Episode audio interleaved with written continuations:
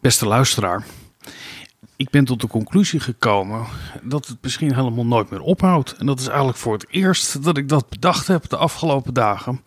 En daar is ook zelfs een woord voor gekomen waar ik toch ook wel heel erg over aan het nadenken ben. Namelijk de anderhalve meter samenleving zoals die werd uh, genoemd door Rutte. Want dat betekent dat al ons leven zal veranderen. Ook er is niet meer zoiets als na de coronacrisis. Dus ik denk dat wij deze podcast tot in lengte vandaag moeten gaan maken. Deze podcast wordt mede mogelijk gemaakt door Code Clear. Duidelijk over websites en design.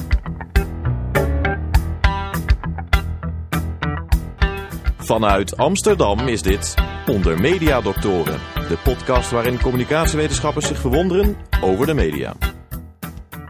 Linda, nee, nee. Wat is er nou? Nee, ik, wil, ik vind het echt een verschrikkelijk idee dat er alleen nog maar een anderhalve meter maatschappij Oh, daar ben je zijn. over. Ik dacht dat je iets anders. Ja. Nee, nee, natuurlijk nee. Ik haak aan op jouw inleiding. Nee, het, lijkt me verschrikkelijk. En het is ook helemaal niet. Dan moeten we een land hebben dat, dat uh, vijf keer zo groot is. Weet je, hoe ga je ooit in de spits reizen?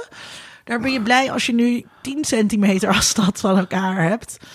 Ja, ik heb natuurlijk veel over onderwijs nagedacht. En dan bedenk je ineens hoe ontzettend knus het allemaal is. Wat we de hele uh, week aan het doen zijn met die studenten. Maar ook inderdaad reizen. Als ik mijn normale dag, zoals die ik die doormaak, bedenk. Is dat ik 's ochtends opsta. Dat ik op een station ben waar het hartstikke druk is op een perron. Dat je je plekje moet dat je verwerven. met mensen die trein in. Dat je, nou ja, dat gevoel dat je ergens in zo'n staancoupé. Of uh, hoe heet dat dan allemaal? Op het balkon staat. En dat je tegen elkaar staat aan te rijden. Terwijl je elkaar wel aan het negeren bent. En dan kom je op een kantoor waar je andere mensen tegenkomt. Waar het druk is. Waar je kan je nooit baan... meer met iemand in een lift. Nee, maar de hele universiteit is ingericht om zo'n 25 tot 30 studenten in een lokaal te zetten. Wat altijd te klein is. En ja, daar wordt niet heel erg ruim in bemeten van... goh, elke student sterker heeft nog, een, een, een bureau nog, nodig. Het is van... altijd net te klein. Nee, dus elke student, als je anderhalve meter afstand wil hebben... dat betekent dat je een bureau moet hebben van drie meter. Als je er dan van uitgaat dat wij zo'n 25 studenten in een lokaal hebben, moeten wij 75 meter bureau hebben om één werkgroep te kunnen geven. Een gemiddeld hoorcollege die we hebben, dat gaat ook tussen de 70 tot wel 400 studenten die dat, uh, daar aanwezig zijn. Als je gaat uitrekenen, als je dat allemaal keer drie meter moet gaan doen, wat voor enorme vastgoed we dan zouden maar moeten dat hebben. dat gaat dus gewoon niet. Dus ik Nee. weet niet wat Rutte daarbij uh, in gedachten, hoe Rutte dat in gedachten zag.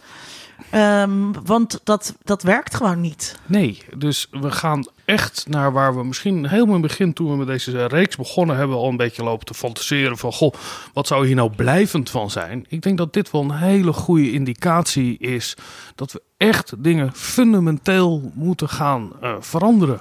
En dat vond ik wel een beetje mijn, mijn ja, dat vond ik wel een, een shock deze Ja. week. Dat ik me na een week of drie, vier zitten we nu dat het echt wel door is gedrongen. Ik denk, dit gaat niet voorbij. Nou, gelukkig om de shock te verzachten hebben we een cadeau gekregen van onze sponsor. Ja, een van de sponsoren heeft uh, uh, natuurlijk. Uh, nou, dat is heel lief. Dat is niet natuurlijk. Heel veel dank daarvoor. Ja, super. Dus er werd een pakketje bezorgd bij mij voor Linda en Vincent met ontzettend lekkere natuurwijnen erin.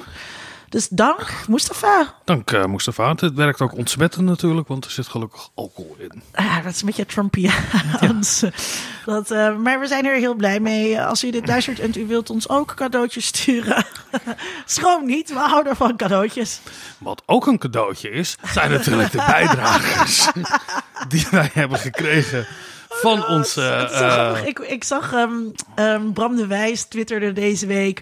Um, uh, als het een mooi bruggetje is, wordt het heel lelijk of zo als je het benoemt. En toen schreef ik terug, ja, ik, ik benoem de bruggetjes altijd om, om mijn gesprekspartners af te kappen. Dus dan, oh, dit dat, is een mooi bruggetje en dan en hou je bek eigenlijk. Ja, dus dan. weet je ja. wel van, nou goed dat je dat zegt, want het is een, omdat ik door wil, weet je wel, dat je door wil met Ja. het, met het uh, draaiboek. En nu heb ik dus dit mooie bruggetje benoemd. Er, er Als Bram de Wijs luistert, hoi Bram. Er is, er is ook een manier om af te kappen als mensen ja gaan uitspreken terwijl ze inademen. Dan zeggen ze niet ja, maar ja, ja, ja, En dan, dan betekent dat je naar iets anders gaat. Ehm, vandaag hebben we ook weer bijdragers van, uh, van, van, van lieve collega's die daarover hebben nagedacht. Met een heel breed spectrum aan expertise. We gaan vandaag wel echt uh, uh, iets anders doen dan wat we normaal doen. We gaan, echt, we gaan zeker het over de hedendaagse tijd hebben. Misschien wel een beetje over de toekomst. Maar we, we beginnen in een ver verleden. Want dat er een pandemie is, is natuurlijk niet voor het eerst. Je moet even zeggen naar wie we gaan luisteren. Oh, we gaan luisteren naar uh, dokter Frank Brandsma. Uh, Frank is gespecialiseerd in middeleeuwse letterkunde. En vanuit dat perspectief heeft hij de volgende bijdrage gemaakt. In de huidige crisis is voor mij als onderzoeker van middeleeuwse literatuur, als, als literatuurwetenschapper en medievist, de parallel met de Zwarte Dood uit het midden van de 14e eeuw heel intrigerend en eigenlijk onontkoombaar. Die zwarte dood was ook een pandemie. Het was eh, de builenpest, een bacteriële infectie die door vlooien van mens tot mens wordt overgebracht. En die vlooien die verspreiden zich vooral doordat zwarte ratten zich overal uh, verspreiden en allerlei mensen tegenkwamen. Van december 1347 tot december 1350 verspreidt die ziekte zich heel geleidelijk over heel Europa. Het was een vreselijke plaag. Er zijn in totaal uh, waarschijnlijk wel 75 miljoen mensen aan dood gegaan. En hij trof ook iedereen, van jong tot oud, hele gezinnen, hele dorpen en grote delen van steden gingen ten onder aan die zwarte dood. De tekst van Boccaccio, de Decamerone, is een getuigenis van de pest en die leert ons ook wel bepaalde lessen over die pest. Een van de lessen is dat isoleren helpt, want in de tekst trekken tien jongelingen, allemaal gezond, zich terug op hun landgoed en daar vermaken ze zich door elkaar verhalen te vertellen. Je ziet de laatste tijd ook op Facebook en in uh, allerlei streamdiensten wel uh, mensen verhalen uit die Decamerone voorlezen. En dat geeft gelijk een tweede les van dat boek aan. Het geeft troost, het is heel prettig om je met verhalen te vermaken. En dat zien we nu ook, hè. juist nu allemaal thuis zitten, uh, wordt cultuur belangrijker. Of dat nu betekent dat je Netflix streamt, of dat je weer allerlei mooie boeken oppakt die je een tijdje hebt laten liggen.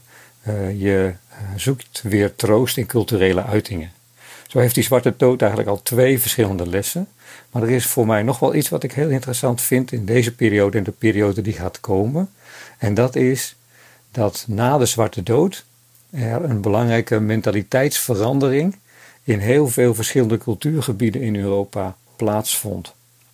Die is niet zo heel makkelijk vast te pinnen, maar er was wel een verandering in bijvoorbeeld het denken over leven en dood.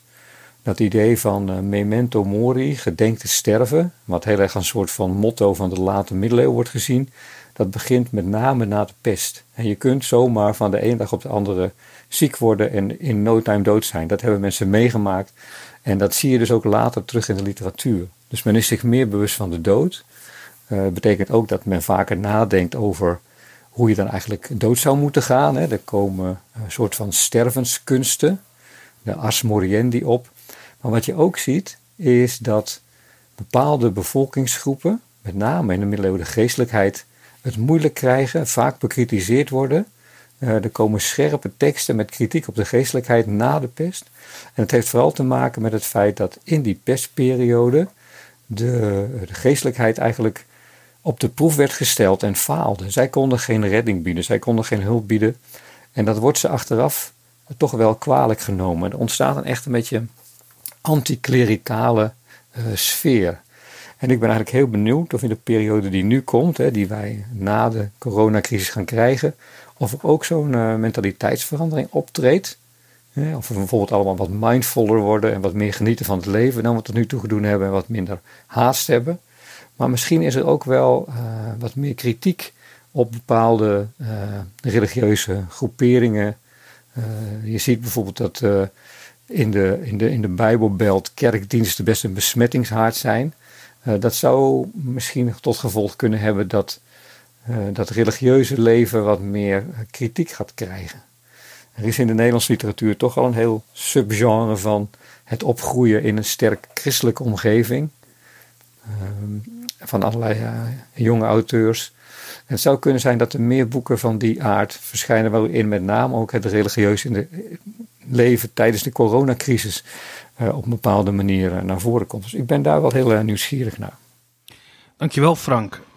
Wat mij gelijk aan, op de gedachte bracht toen ik hoorde wat Frank had bijgedragen, is dat het in het midden van de 14e eeuw zich heel erg richtte tegen de geestelijkheid. Mm -hmm. Of dat in deze moderne tijden is die geestelijkheid niet juist vervangen door onze seculiere leiders? Is de autoriteit die uh, toen werd toegekend aan de geestelijkheid, zijn dat nu eigenlijk niet onze premiers en de presidenten of uh, de burgemeesters of uh, de gouverneurs in de Verenigde nou, Staten? Ik, ik, moest juist denken aan, ik las van de week een stuk met een psychoanalyticus, ik weet zijn naam even niet meer, maar er doet niet zoveel toe, want hij haalde Lenin aan. Uh, en Lenin heeft ooit gezegd: uh, Ik snap niet waarom mensen in westerse democratieën stemmen, want hun leiders zijn niet de politici, maar de bedrijven.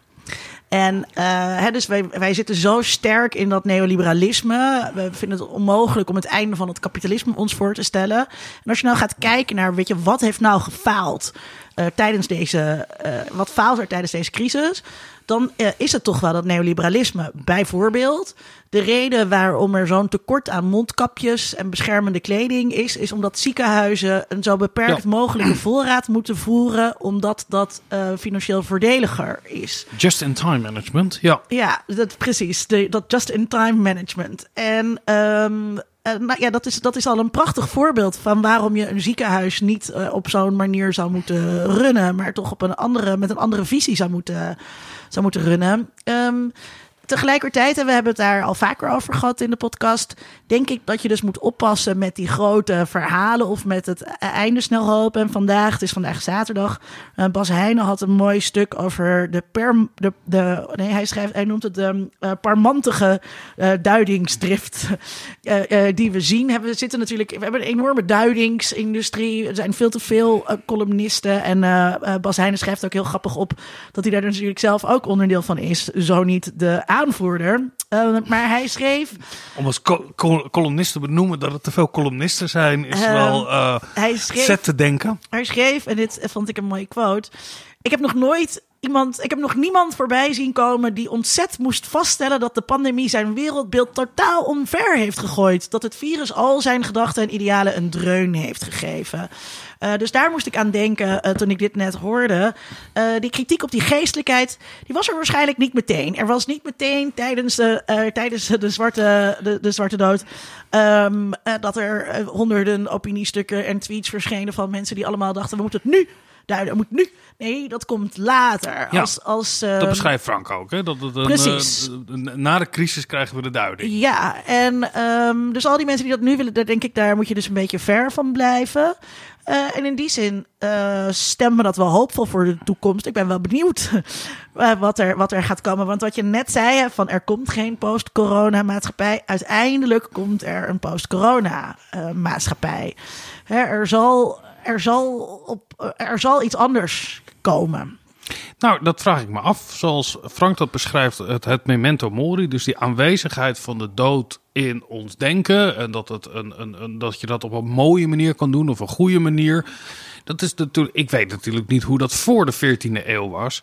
Maar dat het zo ontzettend ingrained is in onze christelijke samenleving om daarover na te denken. Dat is nooit meer weggegaan. En ik kan me heel goed voorstellen dat uh, de Zwarte Dood daar een enorme bijdrage aan heeft geleverd. Dat die aanwezigheid er is in ons denken ook 600 jaar later nog. Nou, ik vond het, ik vond het uh, heel opmerkelijk, want wat ik meteen dacht was, huh, maar uh, in die tijd ging je toch massaal dood aan van alles. En ik bedoel, als je zeg ja. maar de 20 voorbij was, dan, uh, dan had je echt dikke mazzel. En dat haalden de mensen niet. Dus het leek me dat er altijd al een heel erg gedenkte sterven uh, heerste. Maar dat was toch blijkbaar niet zo? Nee, het was echt een, een, een, een, een noviteit uh, uit de 14e eeuw, maar blijkbaar. Dit, en dit is misschien een hele nare vraag, hè? maar heb jij nou het idee dat de dood nu extra om ons heen is? Voel je dat zo? Nee, helemaal niet. Maar ook daar hebben we het wel eens eerder over gehad in deze podcast. eh, Dat we hebben natuurlijk een enorm systeem opgebouwd om een soort steriliteit te hebben ten opzichte van de dood. We zien hier niet de kisten op straat staan. Oh, toen we Yvonne van der Eh, Pijl te gast hadden in onze fantastische aflevering over uitvaarttrends. Ja, nou ja, ik denk dat die uitvaarttrends nu nog steeds doorgaan. Je ziet ook dat ook daarin een soort normaliteit zit. Ik heb laatst naar een livestream zitten kijken van een dus uitvaart. livestreams kijken. En eh, ook daarin zie je dat het zoveel mogelijk als business as usual verder gaat. Maar het staat ver af. En het is iets wat helemaal uit ons zicht wordt onttrokken. Ik zag dat er nu 4000 mensen meer zijn overleden dan vorig jaar. Dus het vertaalt zich ook naar de statistieken. We kunnen niet meer zeggen het is gewoon een, een rare griep. Ehm, Gelukkig ook maar. Toch had je er niet zoiets bij van, ach, gelukkig ook maar. dat het wel echt zo is. Dat, het wel, dat we het niet voor niks doen. Eh, ja, nou, ik heb ook veel complottheorieën gekeken de afgelopen dagen, maar daar gaan we deze keer niet over hebben. Maar Dat hebben we die twee afleveringen ja, geleden al gedaan. Die ja, maar er is, oh, er komen, nu komen echt, eh, komt alles los hoor, eh, op YouTube aan, aan complotten. Maar ja, het, het onttrekt aan ons zicht. Eh, de dood, nog steeds. Eh, we moeten dat dan zien eh, ja, door beelden of door witte lakens die over brancards heen gaan. Maar echt de zichtbaarheid daarvan, van het lijden en sterven, Ja, en in, zien we eigenlijk heel minimaal. in Italië, toen de horrorverhalen uit Italië kwamen, ging het steeds over ambulances die af en aan rijden en de lijkwagens vol in de straten. En ik hoor hier zelden een ambulance, veel minder ambulances dan dat ik normaal hoor. Ja, nee, het, het onttrekt zich volledig aan ons zicht. Dus in die zin denk ik het niet.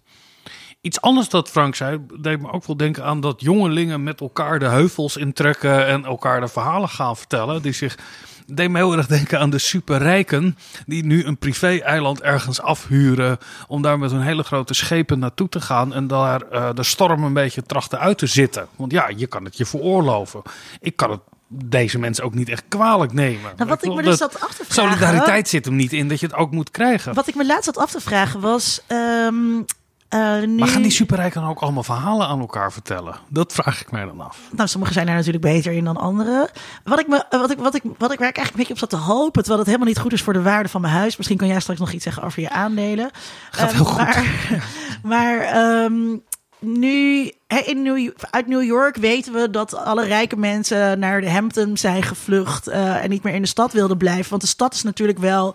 eh, eh, daar wonen mensen dicht op elkaar. Ja. Zou dit er nou toe kunnen leiden dat de stad weer onpopulair wordt? En dat als we naar zo'n anderhalve meter maatschappij gaan, dat eh, de rijken dus liever op het, op het land willen gaan wonen, omdat er meer ruimte is en minder kans op dit soort besmettingen. En zou daardoor de stad, want daar hoopte ik natuurlijk op, zou de stad daardoor weer vuig worden? Zou die daardoor weer. Oh, dat is jouw hoop ook, ja. Ja, want Nou, die kijk, stad, dat is ja, wel... dat is een ik hou niet interessante van vraag, Die, ik hou want- niet van die bijeengeharkte eh, stad. Ik bedoel, het is, het is, ik vind het heel prettig dat er nu zo weinig... eh, dat, dat GroenLinks in Amsterdam ervoor heeft gezorgd... dat heel veel plekken eh, autovrij zijn gemaakt. Maar het is natuurlijk wel een enorm binnen de lijntjes stad geworden. En eh, zoals alle... Alle veertigers en vijftigers en andere Ja, jonge luisteraar. leeftijd, Ja. Verlang ik terug naar de jaren negentig. Nou, kijk, een van de grote voordelen van de stad is dat er heel veel eh, collectieve dingen gebeuren. Hè? Cultuur bijvoorbeeld, de theaters, de bioscopen, de cafés, eh, restaurants. Die je eh, zo makkelijk, dat je daar naartoe kan en dat je niet vanuit een of ander dorp eerst met de auto moet. Dus ja, als die aantrekkelijkheid weggenomen wordt omdat we in onze anderhalve meter samenleving tussen plexiglas moeten gaan eten tussen elkaar. Ja, dan denk ik dat een van de belangrijkste dingen die een, die een stad kan bieden, namelijk het gedeelde culturele leven, eh, ja, wel een hele harde klap gaat krijgen. Wat je ziet ook in de culturele sector, wat er gebeurt. Er stond in NRC geloof ik ook een lang stuk over. Ja, dat staat echt op wankelen. Als je bedenkt dat het Rijksmuseum per dag al mist. En dat is niet een organisatie die enorme winstuitkeringen heeft. Alles wat er binnenkomt wordt ook weer uitgegeven. Dat, dat, dat valt weg. Maar dus ook dat er- daar, dus ook dat is wel interessant om op te merken. Ook het Rijksmuseum is dus een, een, eh, eh, is een culturele instelling, zoals je zegt. Maar eh, die wel moet opereren als een bedrijf. Die Ja. marketingcampagnes doet. Die altijd maar moet zorg dragen voor voldoende bezoekers. Terwijl een museum ook andere functies heeft die belangrijk zijn. Nou, kijk, die archivering, die functie die ze hebben, die gaat gewoon door natuurlijk. Hè? Die, die, dat blijft bestaan. Maar we hebben een aantal jaren geleden gezegd dat al die culturele instellingen als, als bedrijfjes moeten moeten gaan functioneren. En eh, ja, nu zien we als dat niet gaat. Kijk, de, ik, ik las een heel mooi stuk. Elke theatervoorstelling die nu afgelast is, die kan je straks niet inhalen. Je kan niet zeggen, straks komt iedereen en dan gaan we twee keer per dag spelen. Mensen hebben een bepaalde culturele dieet. Ik- ik- ik kreeg- en je gaat dan straks ja. niet zeggen, nou, ik ben drie maanden niet naar de bioscoop geweest. En misschien gaan we de eerste week wel twee keer naar de bioscoop, Nee, want het een- kan weer. En de klus van me werd afgezegd, eh, uiteraard. En eh, en meteen werd er een nieuwe datum gepland in het najaar. Eh, en ze zeiden maandag, eh, wat was het, 16 oktober, kan je dan? Want dat was de enige plek die we nog konden krijgen bij Tivoli Vredenburg. Want al die culturele, eh, alle programmering van nu wordt dus, eh, dat, dat doen ze eigenlijk allemaal. Ze zeggen, we willen het niet afzeggen, maar we willen het uitstellen. We willen het alsnog heel erg graag doen. Ehm, ik krijg het onwaarschijnlijk druk. Eh, wat dat betreft in het najaar. Als we in het najaar dit soort dingen weer mogen doen. En dat kan dus niet. En eh, ik zat ook te denken. Mijn eigen boek eh, komt uit in het najaar. En eh, toen zag ik dat het boek van Driessen was uitgesteld tot het najaar. Want je kunt nu niet een boek Maar jouw boek gaat over seks. En dat is als, als mensen vieze dingen met elkaar doen waarbij ze virussen over. Dat, dat, het, komt Nee, er een, mijn, nieuw- boek gaat, is, mijn boek is wetenschappelijke duiding van seks. Dus juist komt er nu een ook- extra hoofdstukje over seks en hygiëne? Nee, zeker een, niet. Maar, nee, maar dus ehm, het wordt ook dringen met boekpresentaties. Ja, enorm. En dan moet ik ook nog eens een keertje, ehm, weet je wel, ik moet de, verja- de verjaardag van mijn beste vriendinnetje inhalen. De housewarming van haar, beste, van haar moet ik inhalen. Ja. Eh, zelf ga ik straks, als de keuken gedaan is en de nieuwe gordijnen er zijn, eh, wil ik een houseparty, housewarming geven. Dus dat moet dan ook ingehaald worden. Dus ik, ik denk dat ik echt, dat ik, dat ik ga bezwijken. Het, het doet me een beetje denken als je eh, wat langer op vakantie bent geweest en je bent op reis geweest, dan kom je terug en dan wil je iedereen weer zien. Dan heb je zo'n hypersociale periode, want je, je wilt, en dan ontstaat er wel een soort normaliteit. Hè? Dan, dan, maar je moet het nog even inhalen. Ja, ik denk wel dat we die piek straks gaan krijgen. Maar ja, die zal daarna ook wel weer snel opdrogen natuurlijk. Dat, Ja, dat houden we niet in stand. Waar Daarmee- dan ook zorgen over maak, ik weet niet of het met jou zit, maar ehm, eh, nou ja, je hebt dat beertje net weer bijna op, maar eh, eh, ik ben ook helemaal niet meer getraind in feesten en in drinken, weet je wel. Ik bedoel, één fles van die lekkere wijn die Moes heeft bezorgd en ik denk, het is weer genoeg geweest. En daar maak je je zorgen over. Dat, Ja, want straks moet ik dus weer op peak performance. Moet ik daar weer op al die borrels en al die netwerkdingen staan en leuk zijn en shinen. En, ja, ik denk, ja, wat rot voor je.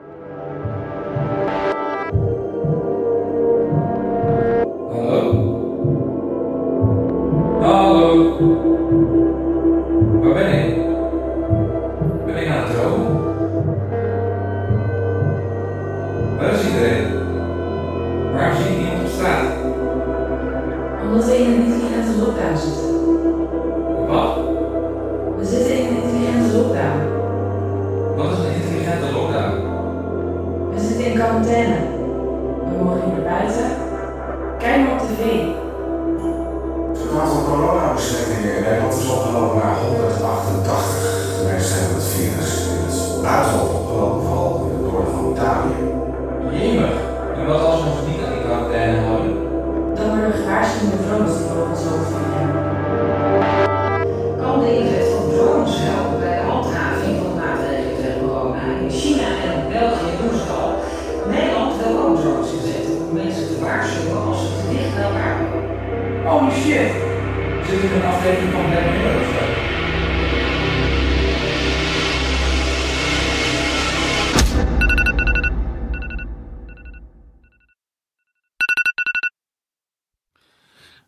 part Nachtmerriegeluiden, Volkert. Dankjewel. super Elke leuk. van- Sarah. Ja, Vol- maar het is niet heel opbeurend. Nee, maar we moeten even zeggen, Volkert, onze Volkert eh, redacteur in eh, Rusten, een van onze lievelingskinders. Eigenlijk gewoon ons lievelingskind, Nou toch? ja, en, en, Jawel, en, en, ja. en, en, en, en Die toch anderen wel luisteren de, dit toch niet, maar is wel zo, de, toch? kei- de keizer van de podcast in Nederland. we Dus, houden het meest van Volkert. ehm, ben je nou ook ooit medewerker bij ons geweest en voel je je, voel je, nu benadeeld? Maak dan zelf Eh, ook wat leuks. Ja, ja, ja, nou, we hebben toen Stuur dan opgeroepen net als in de Moes Slack. een doosje wijn op, dan komt het eh, misschien wel weer goed.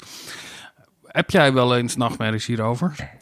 Ehm, ja, ja. Ik had dus... ehm, ehm, eh, wat had ik nou? Eentje ben ik alweer vergeten. Nee, maar ook, ik, had, ik had er ook over geschreven in mijn column van... Ik zit de hele tijd over mijn columns te praten in deze podcast.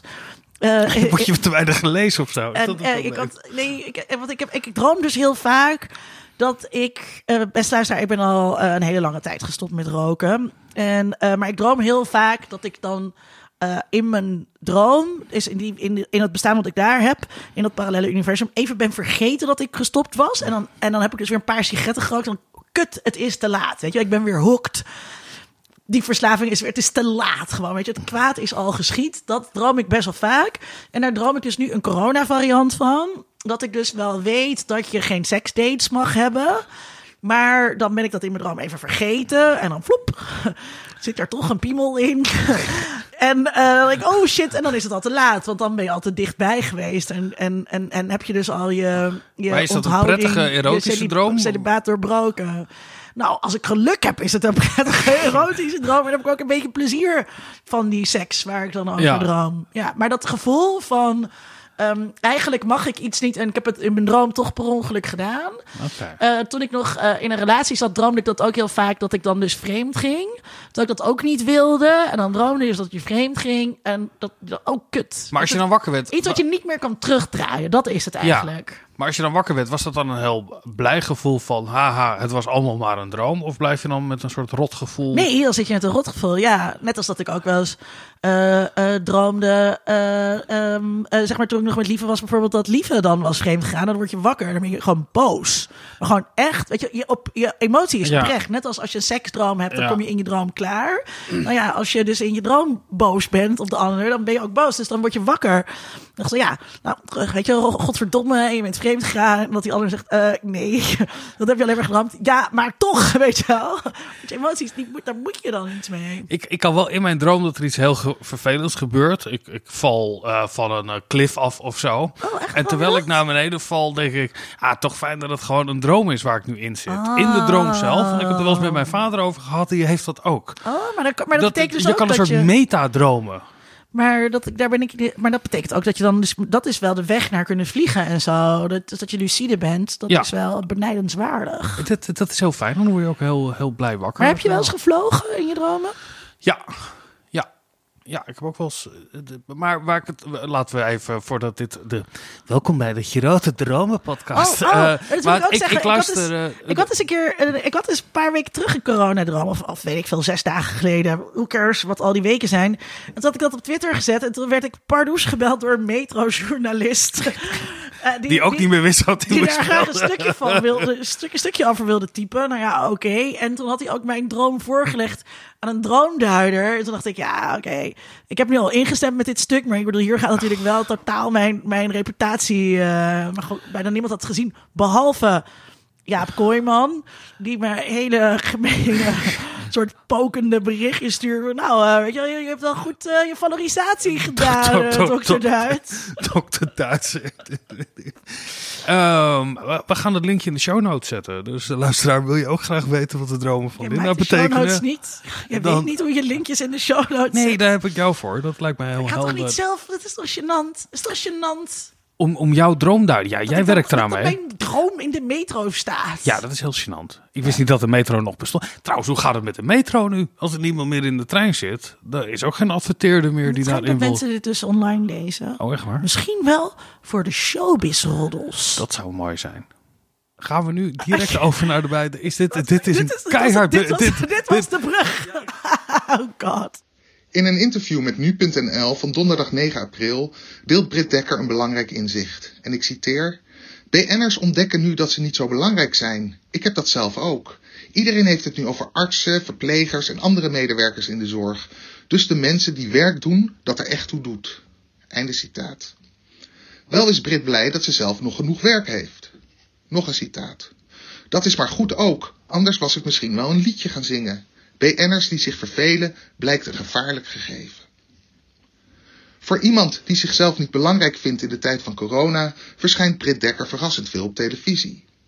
Tijdens de laatste week van De Wereld Draait Door, op 24 maart, mag Britt in de talkshow een oproep doen voor het inzamelen van iPads en tablets voor eenzame ouderen in het verzorgingstehuis. Ze vertelt ook dat haar moeder op de IC werkt en haar op het hart heeft gedrukt dat het belangrijk is om ons aan de regels te houden. Matthijs van Nieuwkerk zou Britt het liefst willen omhelzen, zegt hij. Maar ja, dat kan nu even niet. Twaalf dagen later zit Brit bij Op1 om te praten over haar programma Brits Gouden Ouwe, dat de volgende dag bij SBS 6 begint en waarin zij vijf weken stage loopt in een verzorgingstehuis. Een stage die wel plots afgebroken moest worden door de coronacrisis.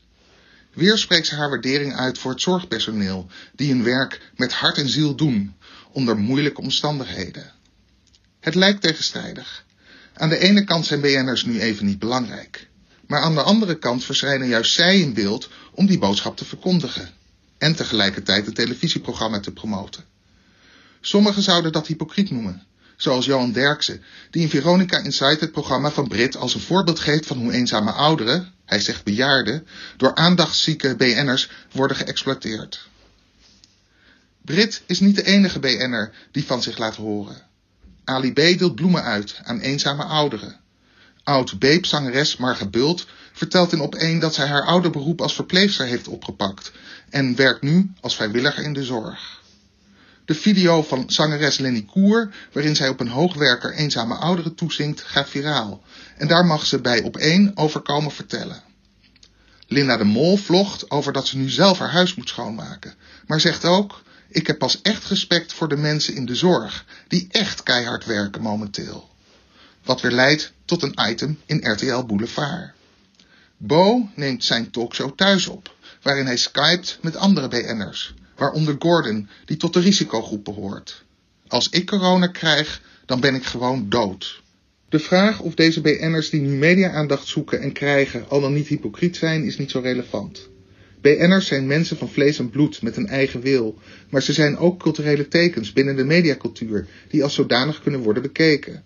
Het gaat dus minder om de personen zelf, maar meer over welke soms tegenstrijdige waarden zij belichamen en wat deze ons vertellen over hoe als individu in een samenleving te functioneren. Zo gebruiken we BN'ers als een voorbeeld van sociaal wenselijk of juist onwenselijk gedrag. Dankzij star studies, ook wel sterrenkunde, binnen de filmwetenschap kunnen we dit proces beter duiden. Sterren, in dit geval BN'ers, zijn buitengewoon, waardoor ze aandacht genereren. Maar tegelijkertijd zijn ze ook gewoon, zodat we ons met hen kunnen identificeren. Ook is het onderscheid tussen publiek en privé bij sterren diffuus. Om als een publiek persoon buitengewoon te blijven, moeten sterren ook een stuk van hun persoonlijk leven onthullen, om te laten zien dat zij, ondanks alles, zo gewoon gebleven zijn. Nu juist in de tijd van corona een groot deel van de publieke wereld wegvalt, kunnen BN'ers die connectie tussen publiek en privé blijven maken. Het zijn BN'ers die helpen de coronacrisis naar het persoonlijke te vertalen. Joep van het Hek en Tel Bekkant, die besmet raakten en nu vertellen dat corona toch meer is dan een griepje. Anouk, die in Marrakesh in quarantaine zit en haar gezin zo mist. En Linda de Mol, die ons allen oproept, blijf thuis, we zitten met z'n allen in hetzelfde schuitje. We kunnen met z'n allen lachen om die BN'ers die een coronalied zingen. Ook dat past in het nieuwe inzicht dat BN'ers nu even niet zo belangrijk zijn. Maar wat het eigenlijk laat zien is dat wij allen, op hen met vitale en cruciale beroepen na, zelf ook even niet zo belangrijk zijn. Mooi hoor, uh, van Dank, Jaap. dat uh, BN'ers ons laten zien dat we zelf eigenlijk even niet zo belangrijk zijn. En ik vind dat interessant, omdat ik een heleboel mensen op Twitter zie die daar niet tegen kunnen. En die uh, wanhopig blijven roeptoeteren om een soort van relevantie te behouden. Terwijl um, juist dan BN'ers in één keer, als, als ik Jaap zo hoor, toch ook weer veel bescheidenheid aan de dag leggen. Nou, als je een, kijk, een goede BN'er weet natuurlijk hoe je hiermee om moet gaan. Je kan, zoals Britt Dekker, zoals hij als voorbeeld geeft. Het is natuurlijk heel goed om te vertellen dat je voor het zorgpersoneel bent. Sterker nog, ik heb er een televisieprogramma over gemaakt. Dus dat er altijd een onderhandeling is, is in alle tijden. Weet je wel, je gaat iets persoonlijks delen, wat voor jou belangrijk is. En daarmee vertellen, uh, verkoop je ook een product. Mm. En zo vullen we al die televisieprogramma's. Wat ik interessant vind als aanvulling erop, is dat we ook weer nieuwe BN'ers hebben gekregen. Uh, en dat valt mij op van Dissel en Gommers. Nou, twee maanden geleden wist niemand wie deze mensen waren ja. natuurlijk. Tenminste veel minder. Maar het valt mij op dat deze mensen, uh, vooral Gommers, uh, dat is de hoofd van de IC-afdelingen... eigenlijk ook een beetje in zijn rol begint te groeien van BN'er. Namelijk waar BN'ers allemaal last van hebben, is dat zij mededelingen doen of meningen hebben over zaken waar ze helemaal geen verstand van hebben. En vooral deze gommers zie je, ja, die weet heel veel van zijn eigen vakgebied. Daarom zit hij elke dag bijna wel ergens aan een tafel, aan een talkshow. Maar zich ook veel meer aan het permitteren is over om zijn gevoelens te uiten. Over de mooie dingen die hij ziet. Dat hij wel eens met een collega staat te huilen op de gang. Eigenlijk die, de, de mal eigenlijk wat je moet zijn als bekende Nederlander. Heel erg snel zich tot zich heeft Ja. genomen. Dus je weet een- hoe je je moet gaan gedragen nu je bekend bent. Er was een hele leuke dingemans eh, in Trouw, de cartoon, eh, die hierover ging. Eh, in één keer, ineens waren de BN'ers niet meer relevant. En er wordt dus ook gezegd, en nu zijn er nieuwe sterren, dus inderdaad Van Dissel ook.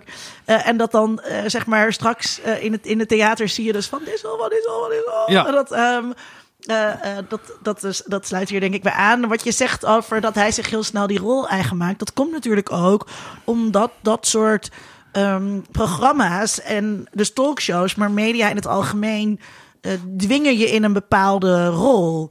En ehm, ik, was, ik was vorig weekend betrokken bij de Nu Even Niet campagne. Of deze week ook, eh, die opgezet is door de Amsterdamse gay scene. Om dus nu even eh, af te zien van eh seksdate. En eh, toen ehm, was ik... en die jongen die dat bedacht heeft, Ivan Mittelmeijer, superleuke gast... Ehm, ja, die heeft verder geen media-ervaring. Dus die vindt het allemaal best wel spannend. En die zegt, oh, ik bewonder zo hoe jij dat doet. Ja, en dat is dus gewoon ervaring. En ik weet gewoon wat, ik weet wat zo'n journalist wil horen. Dus ik weet gewoon als ik zeg, nu lijkt het alsof al die homo's zich niet kunnen beheersen. Dat dat letterlijk in de krant komt. Hè? Dus je denkt een beetje mee met zo'n stuk. En eh, dus hoe heet hij nou, die man die jij noemde van de IC's? Eh, Gommers. Gommers, die leert dat ook. Ja. Weet je wel, je ziet gewoon waarmee je, wat dat betreft zijn we net allemaal hondjes. Eh, je ziet wat beloond wordt. Ja, en dat ga je dan gewoon nog een keer vertonen. En, eh, eh, me- en media-aandacht.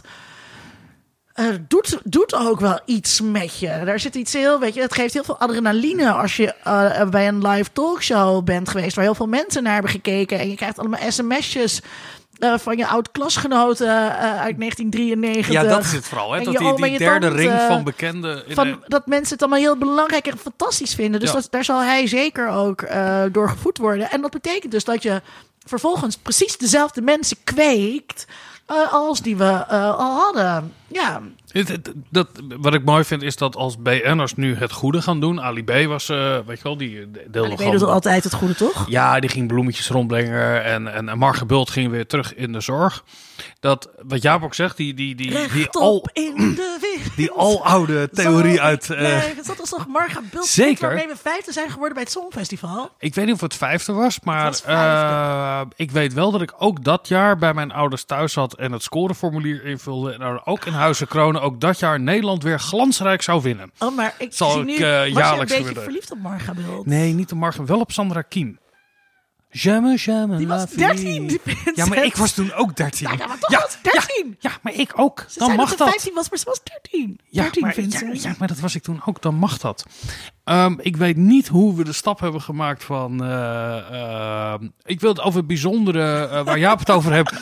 Kijk, BN'ers die het, het hele normale en het bijzondere in zichzelf moeten dragen... Ja, die worden nu natuurlijk enorm aangesproken op daar waarin zij normaal zijn. Hè? Dat Linda haar eigen huis moet stofzuigen, Nou ja, dat er we is allemaal thuis zitten. veel kritiek natuurlijk op, eh, ehm, ook internationaal. Hè. Dus op een gegeven moment hadden Amerikaanse BN'ers, dat zijn dan BA'ers, die hadden eh, Imagine opnieuw ingezongen vanuit hun huizen. En eh, iedereen zei, nou, dan is de corona wel snel weg, want het is niet om aan te horen. Eh, en dat, ja, het is nogal wat jij ook net zei, van, voordat we naar Jaap gingen luisteren. Hè, al die rijke mensen die op hun privé-eiland corona gaan ontvluchten. Ik zag Madonna in een gouden badkuip, geloof ik. Weet je wel, ja, het virus raakt ons allemaal even hard. Nee, Madonna. Nee. En dat zijn dingen die gewoon nu niet vol te houden zijn. Ja, ik, ik, dat vind ik ook. Maar kijk, als jij beroemd bent en jouw hele bread and butter en je persoonlijkheid en je character of hoe je het ook waar het is gebaseerd op aandacht en dat valt weg. En je, bent, Ja. en je vindt jezelf dus, want daar had Jaap het natuurlijk over, hè, van dat ze nu even niet zo belangrijk en niet zo relevant zijn. Andere mensen zouden zeggen, ze zijn nooit relevant, maar dat is een domme opvatting over wat media en de entertainmentindustrie zijn. Ehm, maar eh, wat wil ik nou zeggen? Ehm, ja, voor, oh, dat het moet een ontzettend ingewikkelde realisatie zijn. Kijk, en eh, je hebt een fantastisch boekje dat heet ehm, Illusions of Immortality van David Giles, als ik het goed heb. Nou ja, dat moet je me even Staat niet... in de show notes. Eh, en dat gaat over eh, de psychologie van celebrities. En wat het met je moet doen als iedereen je de hele tijd naar de mond praat. En als iedereen de hele tijd zegt dat je fantastisch bent. En dat is natuurlijk, dat Een is soort de... zelfhulpboek voor, voor mensen Nee, die nee, nee, nee, beroemd nee, worden. dit is, nee, maar om dus om een soort van de psyche van de celebrity te begrijpen. En eh, dat betekent dat dit dus ontzettend moeilijk moet zijn voor celebrities. Hè, Neem, neem Linda de Mol, die heeft haar eigen blad. Eh, daar doet ze natuurlijk heel weinig aan, maar eh, ze Ja. denkt dat ze er heel veel aan doet. En iedereen in die redactieketen, die applaudisseert bij elke scheet die, die Linda eh, laat. En dan komt nu dit, en dan zijn die zorgverleners in één keer veel belangrijker. En wordt, je dus, wordt Linda ook gedwongen om die nederige, nederigere positie in te nemen? Dat is nogal wat, want je krijgt nooit te horen, nu even niet Linda. Nee, dat, nou, dat jij de quote hebt nu even niet, Linda. Dat je dat nooit te horen krijgt. Ehm, ik denk, eh, we gaan een, een, een, een hele belangrijke week tegemoet, denk ik. Wat? Hoezo? Wat, Nou, wat gaat er gebeuren met Linda de Mol? Wat is er met Gordon? Is er nieuws? Is er nieuws? Vertel het Nee, me. we gaan nu de week in. Ik, ik volg wel al die talkshows. En je ziet dat de verzadiging Misschien moet je van... dat dus ook niet doen. Ja, ik vind Tenzij dat- je zoals Jaap dit professioneel bestudeert. Ja, oh, nou, misschien had ik moet even moeten zeggen, ook van, Jaap eh, Kooijman. UvA, eh, UAD. Van, van de UvA, gespecialiseerd in, eh, in sterrenkunde. Ja, sterrenkundige eh, binnen de geesteswetenschappen. Ehm, ik denk dat ik volg wel die dingen, maar je kijkt ook online natuurlijk al die berichtgeving. We gaan nu denk ik het kantelpunt momenten eh, meemaken na deze week dat er gewoon niet zo heel veel nieuws meer te melden is. De, de grote wendingen in het verhaal zijn nu wel voorbij. We zijn gewend. Ja. En er komt ook niet de grote persconferentie. Dat duurt ook nog wel even voordat we daar zijn. Eh, we zien dat het. Jij vroeg naar mijn aandelen, maar financieel-economisch gezien zie je dat er. Nou ja, trage processen gaande zijn. In Europa zijn nu al de eerste grote besluiten genomen hoe verder te gaan. Dus ik ben buitengewoon benieuwd over hoe al die redacties, niet alleen de talkshows, maar ook de kranten en wat er ook invulling gaan geven aan iets dat zo ontzettend aanwezig is in ons leven, zonder dat er een, eigenlijk een grote nieuwswaardigheid nog te melden is. Ja, we zitten op een soort plateau. Ja, en is dit het punt dat we weer ander nieuws ook naar voren gaat komen? Er is een nieuwe CAO afgesloten Nou, met de eh, docenten. Haagse Zaken eh, bijvoorbeeld van NRC ging deze week over de onderwerpen die pre-corona heel belangrijk waren. Wat gebeurt daar nu mee? Ja. Ik merk zelf, eh, ik ben dus NRC-lezer. Ehm, dat het coronanieuws, dat ik daar, dat ik dat in de nieuwsbrief eigenlijk even doorscroll en dan eh, kijk naar wat voor andere stukken zijn er. Ja. Ehm, ja, dus mijn aandacht ehm, vervaagt wel. Zou dat ook betekenen? Dung, dung, dung. Eh, daar hadden we het over in de andere podcast Kiki Dingen. Dat Kiki, wat? We zijn nu Ja. natuurlijk begonnen, Vincent, met deze speciale reeks van eh onder media omdat wij over niets anders konden nadenken dan over corona. Dus we hebben de reguliere programmering opgeschort. Eh, maar zou dat ook betekenen dat er dus ook daar een kantelpunt komt en dat mensen geen corona-podcast meer willen luisteren, maar gewoon toch een podcast willen horen over eh reclame-aanhakers? Ja, en ik denk dat wij daar. weet je, Wij moeten ook op een punt bedenken van. Nou, hier is wel genoeg over gezegd of geschreven. Wow. Nou, we gaan denk ik voorlopig nog wel even door. Luister, heb jij zelf nou een vraag of een opmerking? Of werk je in de wetenschap? Of eh, vind jij zelf dat jij een wetenschapper by heart bent van de University of Life? Eh, dan. dan eh, Wat en je hebt een vraag? Die mensen die dat vinden, moet je niet. Jawel, ja, nee. s- s- Die willen we helemaal niet in de podcast, Vincent. Vinden we hartstikke leuk. Eh, krijg je stuur weer- stuur dan moet ik weer ons. zo- moet ik weer op Twitter zo'n discussie ons- aangaan met de stuur vorige ons je gelijke vraag gast? op. Nee, nee, dat ging doktersgraad, dat mag niet in de podcast. Ja, ook als je geen doktersgraad hebt, mag je gewoon je vraag insturen. Oh, je mag je vraag insturen. Tuurlijk, tuurlijk. Ja, nee, we gooien de kanalen nog niet Oh, open. ik dacht dat je, dat, je, dat je ging zeggen, stuur ook jouw duiding of jouw... Nee, als je vragen hebt, nou, als jij een mooie duiding hebt en je komt door de selectie heen, dan ben je meer dan welkom. Tuurlijk. Iedereen mag eh, zijn vragen insturen. We zijn als de grote nationale wetenschapsagenda, de Corona Edition. Oh, Vind je ons heel stom? Laat het dan ook weten. Vind je ons eh, wel leuk? Eh, dan we geld. dat niet te weten. Geef Eh, geld. geef geld. Ga naar de website.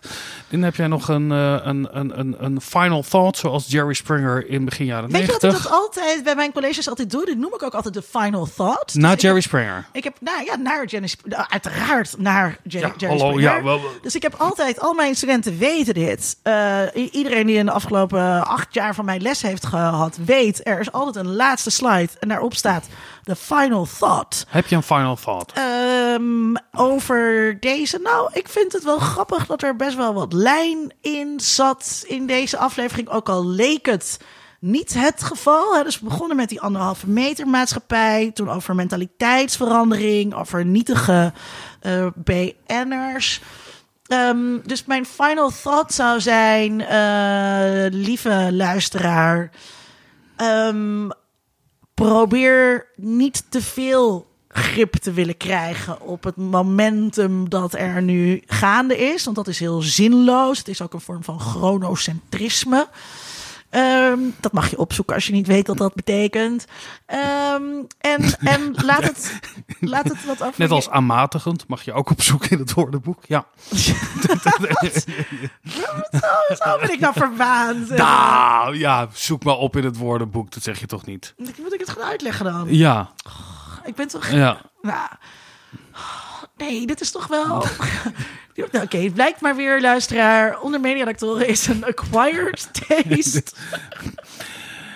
Maak hem maar af. Ja, luisteraar, ehm, wij hopen eh, van jou te horen, maar je zal zeker van ons horen binnen een paar dagen weer voor een volgende aflevering over onze berichten, aantekeningen uit het ondergrondse. Extra dank aan Marius die de editing heeft gedaan van deze aflevering. Tot de volgende keer. Tot de volgende.